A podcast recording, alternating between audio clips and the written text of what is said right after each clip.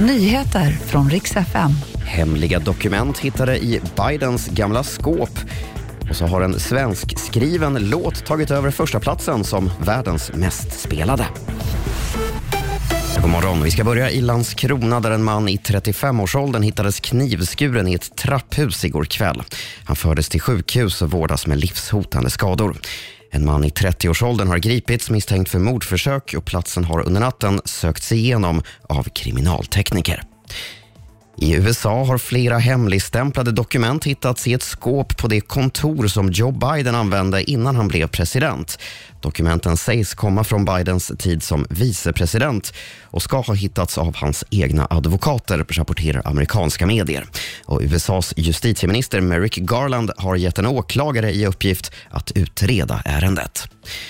Och sist ska jag berätta att The Weeknds låt Blinding Lights nu officiellt är den mest streamade låten någonsin på Spotify. Med sina 3,34 miljarder spelningar har låten nu gått om Ed Sheerans låt Shape of You som tidigare låg i toppen. Vi ska väl sträcka på oss lite extra som svenskar för låten är ju skriven av svenska Max Martin och Oscar Holter. Det var de senaste nyheterna och jag heter Robin Kalmegård.